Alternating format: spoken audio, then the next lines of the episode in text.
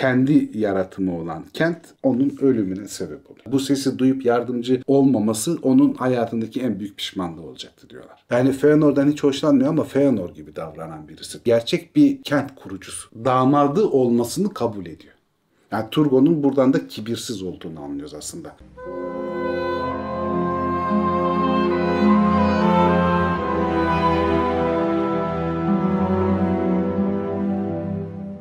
Merhaba Zafer abi.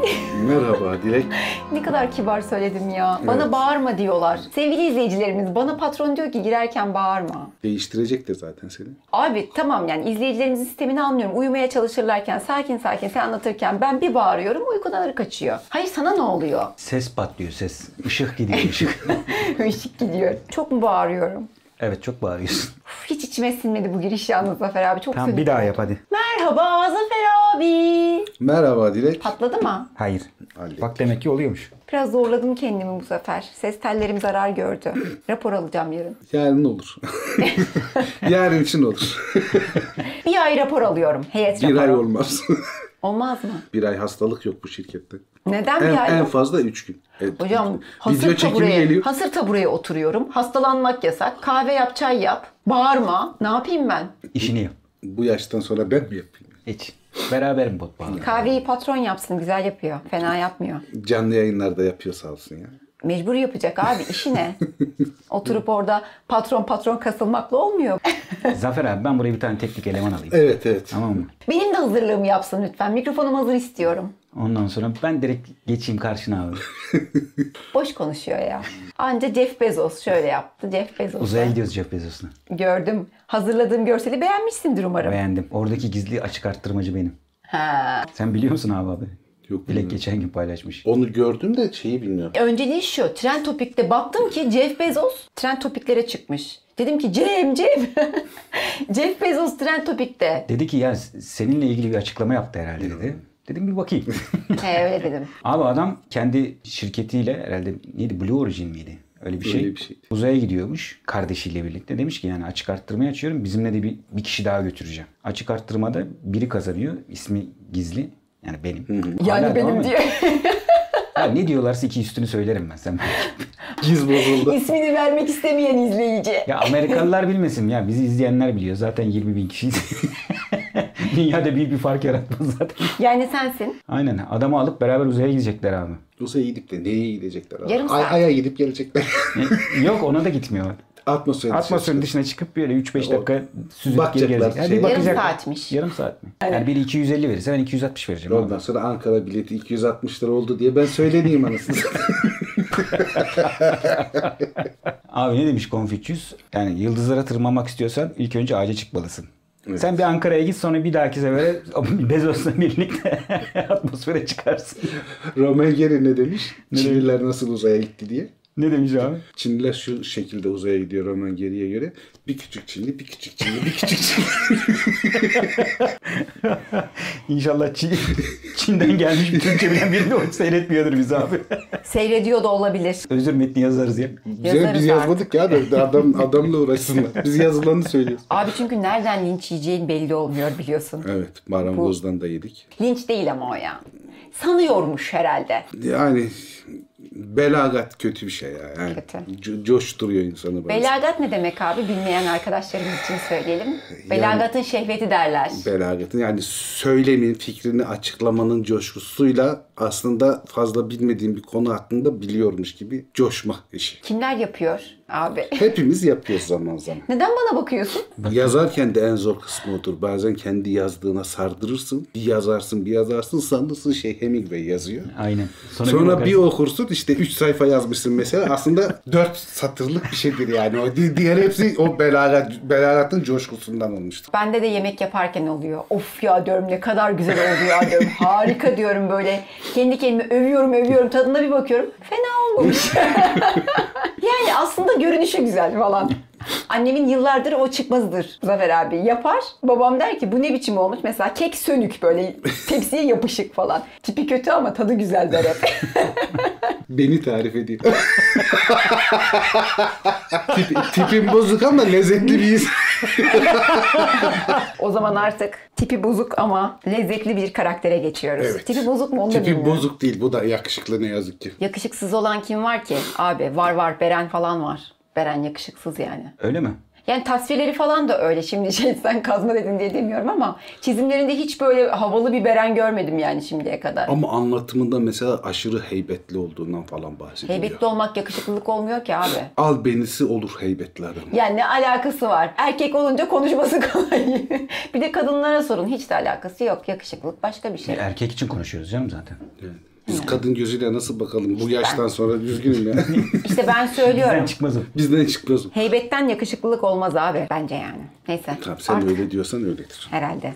Ben öyle diyorum. Ya arkadaş ışık gitti be hadi ya. Tamam artık başlıyorum. Abi bu haftaki karakterimiz ki son dönemde yaptığımız Final Film videosundan sonra birkaç kişi de yorumlara yazmış. Fingolfin'in küçük oğlu, Fingon'un kardeşi, Saklışehir Gondoli'nin kurucusu. Turgon'u Turgon işliyoruz. işleyeceğiz. Turgon abimizi işleyeceğiz. Turgon the Wise diye geçiyor batılı kaynaklarda. Tolkien de Wise diyor. Wise büyücü değil de bilge anlamına, arif anlamına geliyor aslında. Gandalf'ta mıydı bir de Wise? Tabii Wise. Gandalf the Wise. Daha doğrusu isterler bilgedirler. Ne de Wizard'dan işte Wizard bilgeler anlamına geliyor. Ana hikayeye geldiğimiz zaman diğerini de anlatacağım kısaca. Ama asıl hani doğru kabul edilen kanon dediğimiz hikayeye geldiğimizde şey de doğuyor. Amanda doğuyor. Felagut Finrond'la aynı yaşta doğduğu söyleniyor. Bu niye önemli? Çünkü ikisi yani iki yiyen mi oluyor erkek? Kuzen. Kuzen mi? Pelagos İki kuzen çok yakın. Yani çok yakın dostlar, çok iyi arkadaşlar falan. O yüzden de muhtemelen Tolkien hani dolaysız olarak bir ikiz göndermesi yapıyor orada. İkisi aynı ruha sahip falan diye ama şey daha aklı başında bir adamdır. Tolkien'in bilgelik tanımına göre Finrod, Finrod.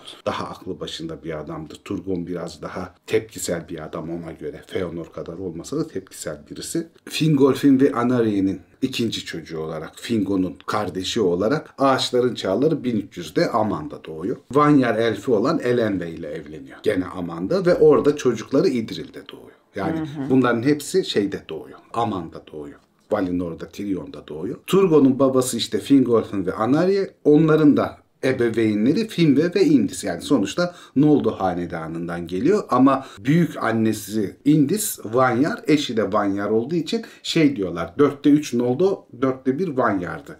Turgon diyorlar. Amcası Finarfin gibi öyle Vanyar soyundan geldiğini belli eden çok belirgin sarı saçlara sahip bir Noldo değil bu da. Elenve ile evlenip İdril doğuyor ve şeyle de biraz problemleri var. Amcası Feanor'la da hafif problemleri var. İşte bu ağaçlar yok edilip Feanor ilk göç konuşmasını yaptığı zaman karşı konuşmasını yapıyor. Valar'a danışmadan gitmenin doğru olmayacağını falan sert bir dille eleştirenlerden birisi. Ve o sırada işte neredeyse de birbirlerine girecekler. Finarfin amcası ortalığı sakinleştiriyor ama şey kararına da uyuyor. Noldo'nun gitme kararına da uyuyor ve ondan sonra da şey diyorlar. Hem Finrod hem de Turgon çok gönüllü olmasalar bile verdikleri kararı asla değiştirmezlerdi. O konuda çok güvenilirdiler. O yüzden Magnus'un laneti ya da akraba katliamına rağmen seyahatlerine devam etmeyi göze aldılar. Burada çok önemli olan durum şu. işte Feanor doğuya geçip de gemileri yakınca bunlar Helcaraxe'den geçmek zorunda kalıyorlar. Helcaraxe'den geçerken en önemli kayıp veren kişi belki de Turgon. Çünkü karısı Elenve ile kızı İdril buz yarıklarına düşüyor. Bu kendi hayatını riske atarak yarıklara atlayıp kızını kurtarabiliyor. İdril'i kurtarabiliyor ama karısı Eren de orada ölüyor. O yüzden de Feanor ve Feanor'un çocuklarına karşı şeydir. Ön yargılıdır ve hoşlanmaz onlardan. Bunun sebebi şeydir. Feanor'un gemileri yakması bizi Helcaraxe'den geçmeye mahkum etmesi der. O yüzden de bu Feanor hanesiyle düşmanlığı her zaman olmuştur. Tam düşmanlık olmasa bile dostlukları yoktur yani. İlk Helcaraxe'den geçip girdiklerinde Lammont'ta da orkların saldırısıyla küçük kardeşi Argon da o saldırı sırasında ölüyor. O bakımdan böyle kayıplar vererek ancak Orta Dünya'ya geçmiş oluyor. Mitrim'in oraya yerleştikten sonra ve ilk savaş, Yıldızların altındaki savaş falan gerçekleştirilip de Morgoth kalesine kapatılmış durumda olduğunda her prens ya da kral kendi topraklarını seçerken o Nevrast'ı seçiyor. Yani Hitlum'un denize yakın kıyısı, batı kıyısını seçiyor. Vinyamar kentini kuruyor oraya da. Ve o bölgede de çok fazla sayıda gri elf yaşıyor. Orta dünyada kalan elflerden yaşıyor. Gri elfler de Turgon'un krallığını kabul ediyorlar. Onun emri altına giriyorlar. Çok yüksek sayıda hem Noldor hem gri elfler var emri altında ve Vinyamer kenti de oldukça gelişmiş o zamanda ilk yapılan kentlere göre çok düzgün yapılmış bir şey. Taras Dağı'nın zirvesine tam deniz kıyısına yapılıyor. Hatta manzarası tamamen deniz manzarası olduğu falan söyleniyor. Daha sonra Finland'la beraber gezerlerken Orta Dünya'da şey yaparken Orta Dünya'yı tanımak için seyahat ederlerken her ikisinin de rüyasına Ulmo giriyor. Ulmo her ikisine de ayrı ayrı kendilerini koruyacakları bir kent yapmaları gerektiğini, Morgoth'un günden güne güçlendiğini söylüyor ve böyle bir korunaklı kentler inşa ederek daha uzun süre Orta Dünya'ya tutunabileceklerini hatırlatıyor. Şöyle bir durum var. Bu kadar yakın olmalarına rağmen birbirlerine her ikisi de birbirine Ulmo'nun rüyalarına girip böyle bir şeyden bahsettiğini söylemiyor. Finrod malumu haliniz Nargothrond'u seçiyor kent olarak. Mağaraları seçiyor. Ama şey Tyrion'u hiç unutmuyor Turgon. O Tyrion'daki bir kent gibi bir kent yapmak istiyor. Tyrion'u özlemle anıyor. Turgon mağara altlarına gizli değil de böyle görkemli, ihtişamlı bir yapı yapmak istiyor falan. Bir yıl sonra tekrar Ulmo Turgon'un rüyasına giriyor ve onu kendi gücü sayesinde gizli bir şekilde Gondolin'in kurulacağı Tumladen tepesine götürüyor. Oraları gösteriyor ve burada kentini kuracaksın diyor. Geri dönüyor Turgon gene Nevras'ta krallığına geri dönüyor Vinyamar'a. Bir süre orada durduktan sonra en usta Noldo ustalarını, inşaatçılarını, mimarlarını, taş işçilerini gizlice şeye götürüyor işte. Gondolin kurulması için Tumladen Vadisi'ne götürüyor ve orada şeyler başlıyor. İnşaat başlıyor ama bu inşaattan hiç kimsenin haberi yok. Gizli bir şekilde devam ediyor. Kaç yılda 50 küsür yıl boyunca 52 yıl olması lazım. Gondolin'in inşası devam ediyor. Gondolin inşası tamamlandıktan sonra da gene Ulmo'nun emriyle Vinyamar kenti boşaltılacak. Gondolin'e gidilecek. Merak etme diyor. Ben diyor akarsular Sirion sayesinde seni koruyacağım ve haberleri olmayacak senin oraya gittiğinden. Halkını toparla oraya git. Yalnız şeyi unutma diyor. Yani kendi yaptığın kente ya da kendi elinle yaptıklarına aşık olma. Bir gün oraları terk etmen gerekecek ve sana haberciyi de diyor benim gönderdiğimi şu şekilde anlayacaksın.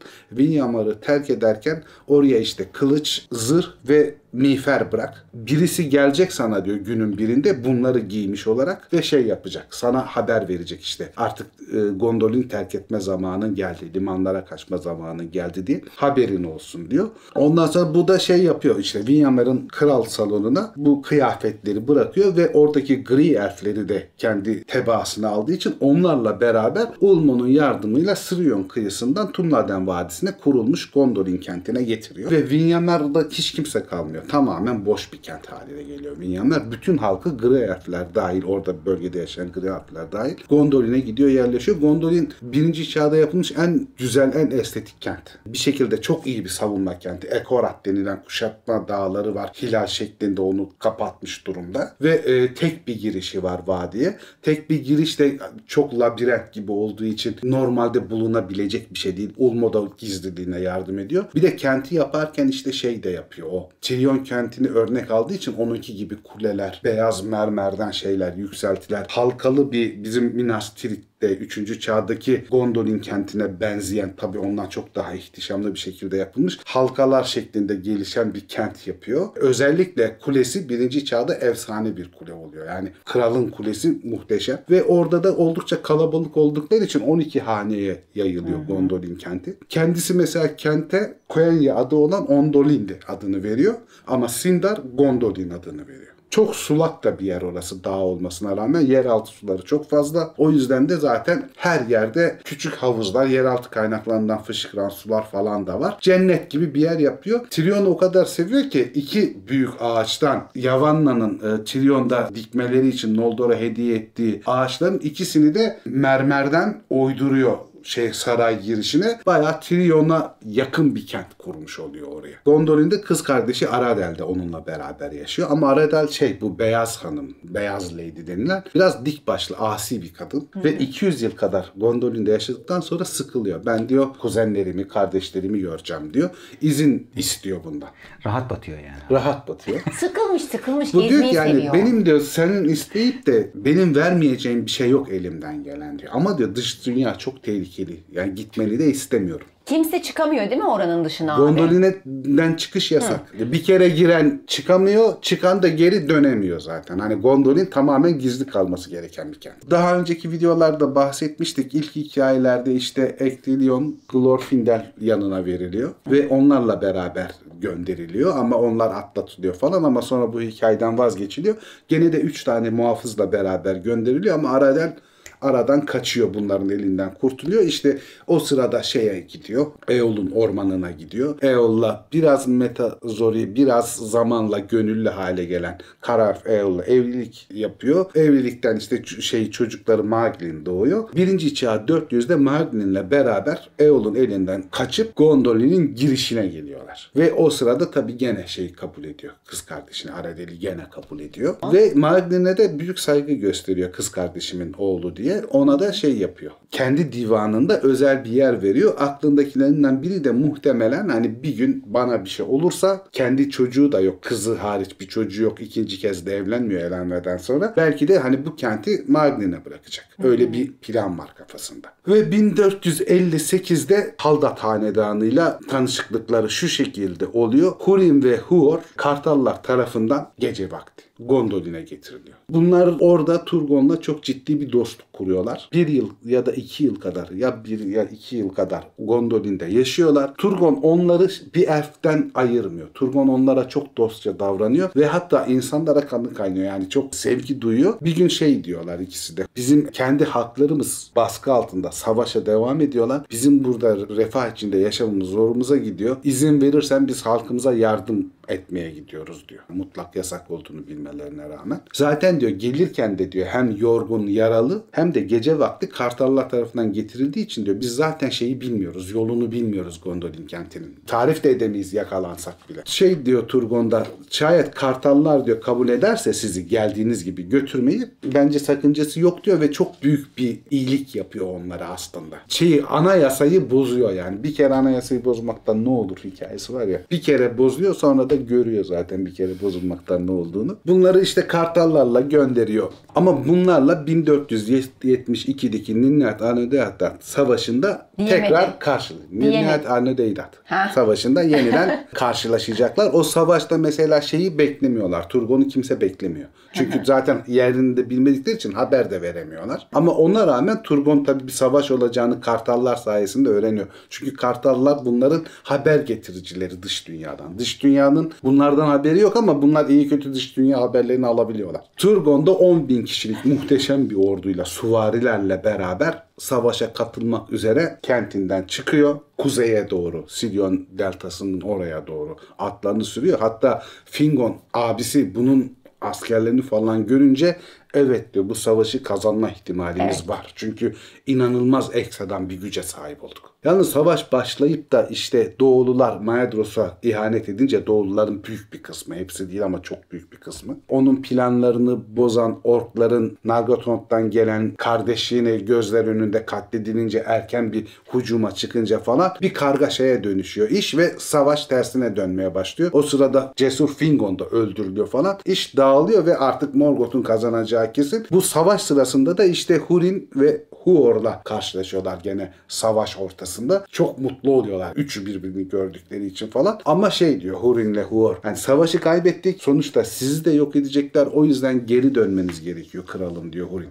Sizin diyor ordu olmanız hala elflerin ve Noldor'un bir umudu olması demek. Razı olmuyor geri dönmeye Turgon gene. Ben savaştan kaçmam diyor. Kaçıyor dedirtme. Huor geliyor ben diyor size diyor ölümün gözleriyle söylüyorum kralım diyor. Sizin Gondolin'e geri dönmeniz ve orada yaşamanız şart. Çünkü biliyorum ki sizden ve benden bütün iyi halkların umudu doğacak. O yüzden de sizin Gondolin'e geri dönmeniz gerekiyor deyince Turgon razı oluyor. İşte Ectelion bir kolu, Glorfindel bir kolu tutuyor ve oradan geldikleri yoldan tekrar güneye doğru inip Gondolin'e geri çekiliyorlar. Ama bu sefer Gondolin'i mutlak kapatıyor. Hiçbir şekilde dışarı giriş çıkış yok. Hatta çok yakın dağlar hariç ihtiyaçları görmek için o da kimi ihtiyaçları karşılamak için Gondolin'in kendi adamları dışarı çıkıyor. Orada işte madenler ya da tarlalar neyse onları toplayıp geri dönüyorlar. Tamamen kapatıyor Gondolin'i. Belli bir süre bu çok ciddi disiplinli bir şekilde devam ediyor. Ama uzunca bir süre bir tehlike olmayınca hafif hafif savunma şeyi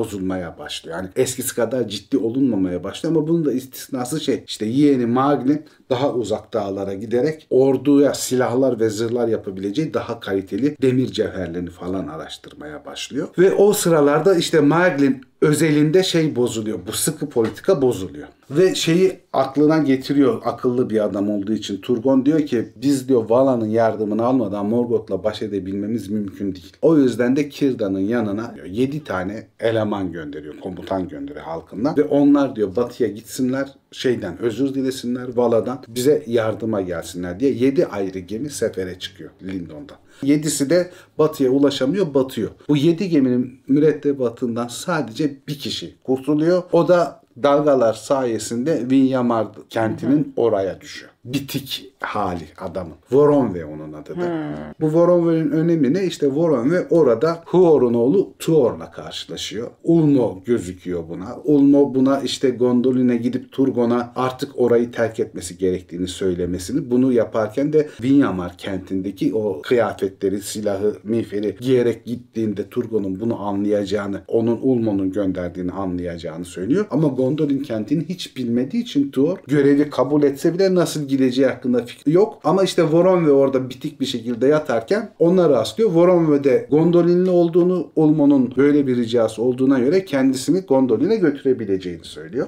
Birinci çağ 495'te Tuor'la Voronve Gondolin'e gitmek için yola çıkıyorlar. Voronve önderliğinde Gondolin'e geliyorlar. Orada muhteşem anlatımı vardır ama bunu Gondolin üstüne özel bir bölüm yaptığımızda anlatacağız. Yedi kapının yedi komutanıyla tanışa tanışa en son Ektillion'la tanışıyorlar. Son kapının efendisi ve Turgon'un divanına, huzuruna çıkıyorlar. Turgon kıyafetleri tanıyor ve Ulmo tarafından geldiğini anlıyor. Buna rağmen Gondolin'i terk etmeye dayanamıyor. Arkadaşım biliyorsun bırak. Burada bilgelikte bir zayıflık Evet gözüküyor. bir, bir zayıflık var. Yarattığına hayran Yani olma. Ama Yarattığına Ulmo da yani olma. farkında abi ne diyor? Kendi yaptığına aşık olma Olma. kardeşim. Sen de o potansiyeli Şey görüyorum var. ben. Bir de tanıyor diyor bak yani zırhı bahsetti Tabii yani Ulmo. biliyor Ulmo'da. Ama diyor biz burada dayanabiliriz daha. Hani şey yapabiliriz. Dışarı güvende çıksak hissediyor tabii çok kendini. güvende hissediyor. Yani hiç kimse bilmiyor burayı diyor. Nereden haberi olacak? Ben burada uzun süre kalırım Ama falan. abi Ulmo'nun bir ilahi tarafı da yok mu? Nasıl onun sözünü dinlemez aslında? Bir yerde o var değil mi? Vahiy gibi geliyor yani adama. Beliriyor ve söylüyor. Kimin karşısına çıkmış Ulmo'da bir şey söylemiş. şey diyor temelle diyor kapatırız diyor. Büyük bir ciddiyetle diyor savunuruz kentimizi. Yani hiç haber almayız dışarıdan içeriden. Burada yaşayabiliriz diyor. Yalnız şeyi çok seviyor tabii. Hani hem babasını tanıdığı için Huor'u falan hani onun uğruna öldüğünü bildiği için o kadar büyük bir saygıyla karşılıyor ki Tuor gitgide yükseliyor yanında ve damadı olmasını kabul ediyor. Yani Turgon'un buradan da kibirsiz olduğunu anlıyoruz aslında. Tingol'in Tingol yaptığı gibi gibi, imkansız bir görev verip ancak öyle evlenirsin kızımla demiyor Beren Lütfü'nün Abi kızını yarattığından daha az seviyormuş. Yani buradan ben bunu çıkarıyorum. Başkası lamıcımı yok. 7 yıl sonra kızıyla evlenmesini kabul ediyor ve Maglin bu sefer birinci adam olmaktan ikinci adama düştüğü için ve onu sevdiği kadın İdril olduğu için temelli Tuor'a ve Turgon'a gıcık oluyor. O yüzden de ihanet etme nedenlerinden biri de bu. Artık o birinci adam değil, ikinci adam divanda ve sevdiği kadın da bir insanla evleniyor. Temelli gıcık bir durum. O yüzden de yakalandığında aslında işkencelere falan dayanamadığından değil, hem aşkı hem gücünü kaybetmesi yüzünden Gondolin kentine ve Turgon'a ihanet edip Gondolin kentinin nerede olduğunu Morgoth'a anlatıyor. Erendil oluyor işte Erendil'de büyümeye başlıyor. İşte bu da Huor'un senden ve benden doğacak bir çocuk iyi halkların umudu olacak dediği kişi de Örendil oluyor. Örendil'in de dedi, deden kim diyorlar? Turgon diyor. Düşünsene. İlkokula gidiyor. Kimin oğlusun? Tuor'la. İdril'in. Büyük ama yani. deden Turgon. Daha büyüğü kim? Ben Fingolfin dedem olur falan.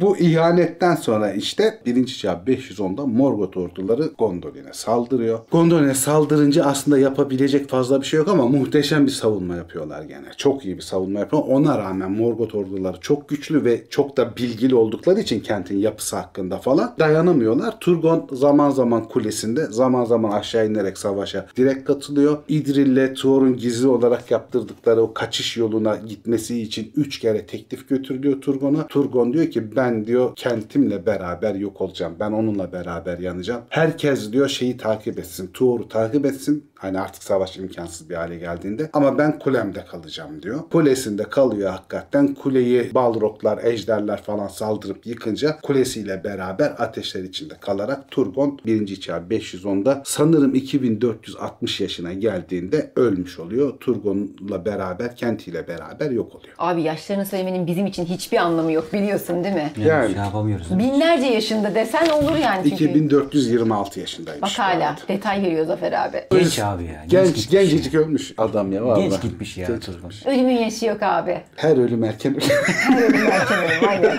Turgon yönetici lord anlamına geliyor Sindarin dilinde. Tur usta, Gon lord prens, usta yönetici, yönetici efendi anlamına geliyor. Quenya Turukano deniliyor. Bu da zafer kazandıran komutan, zafer kazanmış komutan anlamında. Gene Quenya'da Turondo diyorlar. Bu da taşın efendisi. Ama bu ismi Tolkien çok kullanmak istemiyor. Çünkü anlam kayması oluyor ilk baştakilerden diyor. Gnomish adı Turgon gene. Ve Gnomish adından türeyen şeylerin ismi olarak kullanılmasını tavsiye ediyor Tolkien.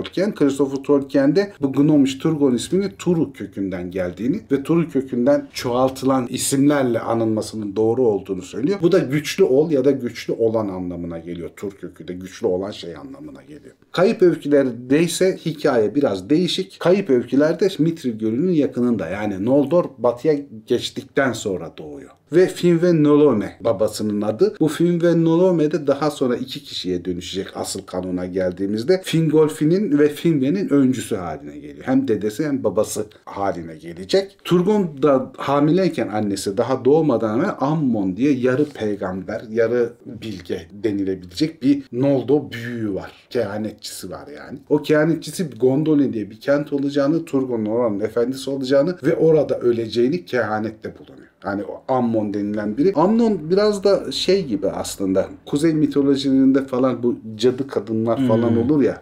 Hep krallar bunlara danışır, korkunçturlar falan. Biraz Ammon onun gibi. Biraz da vaftizci Yahya gibi. Geleceği öngören biri. Yani artık kişiler kendilerine göre bunun ne olduğuna inanabilirler. Ondan sonra sayısız gözyaşına bu hikayede de katılıyor. Babası olan Fin ve Nolome daha öne atıldığı için o sırada Balroglar ve Orklar tarafından öldürülüyor. Vücudu yarılıp kalbini ellerine alıyorlar babasının. Ama Turgon yetişiyor. Hem kalbini hem babasının cesedini kurtarıyor. Yalnız o kanlı yürek, kanlı kalp hikayesi Gondolin'i kurduğu zaman şey olacak. Kendi ailesinin ablemi olacak. Onun ableminde kanlı bir kalp var. Savaştan ayrılıyor. Savaş kaybedilince kamplarına dönüyor. Mitrim tarafına dönüyor. Olabildiğince çok kendi vatandaşını kurtarmak istiyor çünkü. Kurtardığı vatandaşlarla dolanırken Tumladan Vadisi'ni ve geçidi buluyor tesadüfen ve oraya Gondolin'i kuruyor ve oraya yerleşiyor. Yine Ulmo ile karşılaşma var mı kayıp öykülerde? Ulmo geçişinde şey yardımcı oluyor. Ha, geçişinde Hani yardımcı gizli oluyor. olarak orayı bulmasında yardımcı oluyor.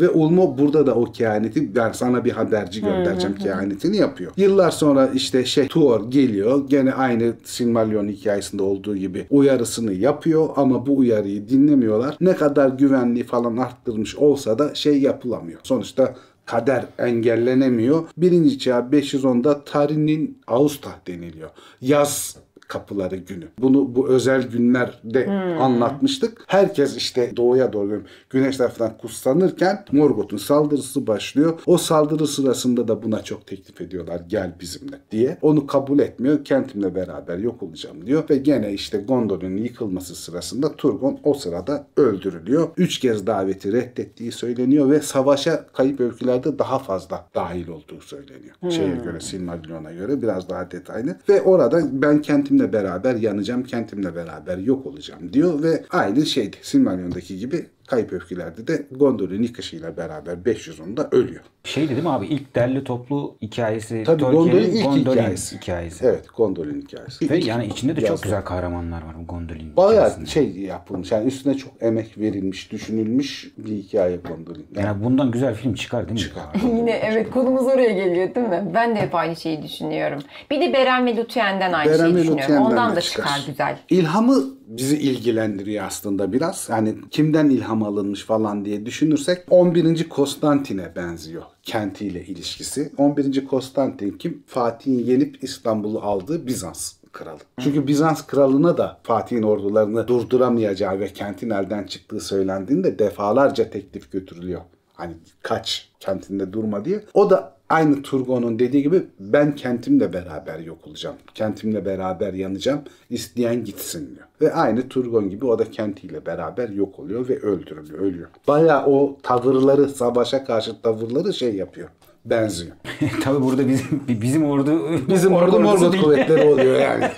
Buradaki şey benzerliğe göre. Feanor'dan hoşlanmamasının nedenleri aslında aynen kendisinde de vuku buluyor. Böyle bir çelişkisi var. Feanor aynı Silmarillere gösterdiği tavrı o da kenti Gondolin'e gösteriyor. Çok benziyorlar aslında Feanor'la. Yaptıklarına aşık olma açısından çok benziyorlar. O Gondolin'i terk edemiyor. O da Silmarill'lerin peşini bırakamıyor. Yani Feanor'dan hiç hoşlanmıyor ama Feanor gibi davranan birisi Turgon. Turgon'un en önemli özellikleri savaşçılığından falan daha ziyade gerçek bir kent kurucusu. Çünkü hem Vinyamer bir kent olarak muhteşem bir kent. Gondolin zaten inanılmaz güzel bir kent. Yani çevre düzenlemesiyle, mimarisiyle, Tirion'la benzemesiyle neredeyse Valinor'daki kentler kadar güzel bir kent oluyor. Gondolin belediyesi iyi mi çalışıyor? diyorsun? Gondolin belediyesi süper yani hakikaten.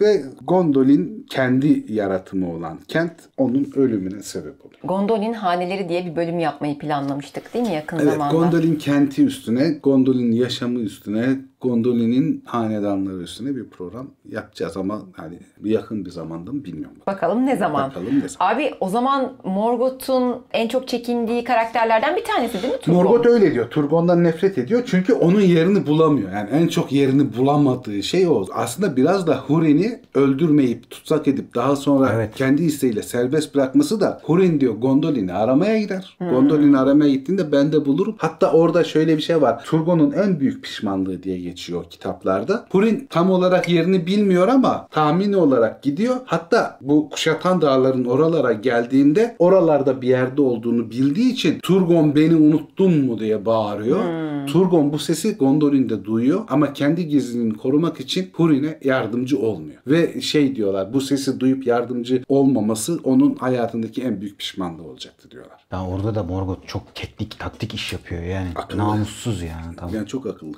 Tamam o zaman bölümü kapatalım abi. Evet. Peki yakın zamanda Feregund Finrod'da işler miyiz? Evet Finrod'u da artık zamanı geldi Finrod'u. da Zamanı işte. geldi değil mi abi? Finrod'un hikayesi şey yalnız. Kayıp öykülerde başka bir hikaye var. Silmarillion'da başka bir hikaye var. İkisi de keyifli hikayeler yani. Bir de çok hani gene arkadaşlar sevmeyecektir yani. O, o, o kadar cevval değil. Yani Değil daha mi? soğukkanlı bir yönetici. Sen zaten Finar Finciyim dedikten sonra Yani ya Tolkien'de bilgelik tanımları üstüne araştırma yaptığın zaman Tolkien'de bilgelik neyi anlatıyor dediğin zaman kişisel çıkarlarından kaynaklanan herhangi bir kibir olmaksızın bilginin mükemmel sentezini yapan adama bilge diyor Tolkien. Tamam. Burada da bilge işte Gandalf'a benziyor, Círdan'a benziyor, Finarfin'e benziyor, Felagut Finrod'a benziyor. Diğerlerine bilge benzemiyor. Çünkü diğerlerinde hem kibir var, yönetme hırsı var. Diğerlerinin böyle ani kararları var. Diğerlerinin sinirlerine hakim olamaması durumu var. Fingon bile çok aklı başında bir komutan olmasına rağmen sonuçta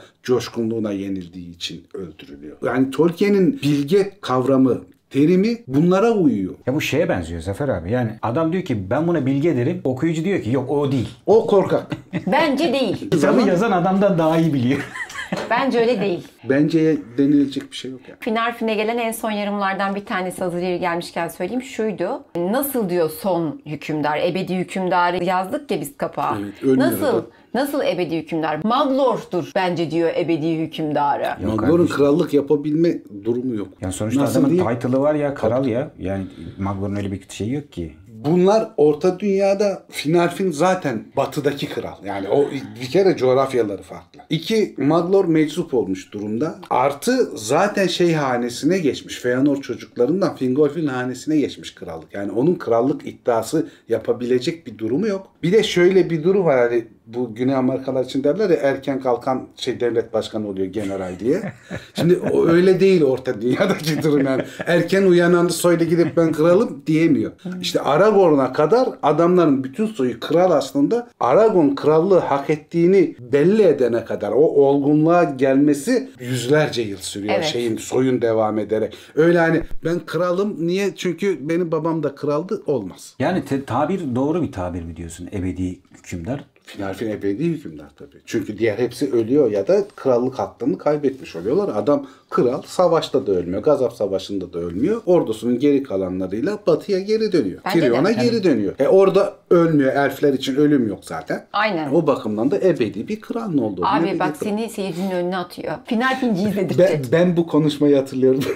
Bu bölüm Turgoncuyuz. Nasıl Turgoncuyuz? Ne alakası var? Hiç havalı değil. Ama şimdi adam ni- mimar kökenli. mimar mimar yani çok büyük mimar. Ya bir gün bir hafta bir şeyine askerliğine hasta oluyor. Bir hafta güreşçiliğine hasta oluyor. Bir hafta kaşına gözüne hasta oluyor. Bu hafta mimarlığına hasta oldu abi. Ama ondan sonra niye kovuyorsun? Evet Dilek kapanışı yap da bitirelim. O zaman bir dakikalık saygı duruşuna Ben hala zevzeklik yapıyorum. tamam. Hadi. Bölümü kapatıyoruz abi. Verdiğin bilgiler için teşekkür Rica ederiz. Yeni bölümlerde görüşürüz. Görüşürüz patron. Görüşürüz. Görüşürüz.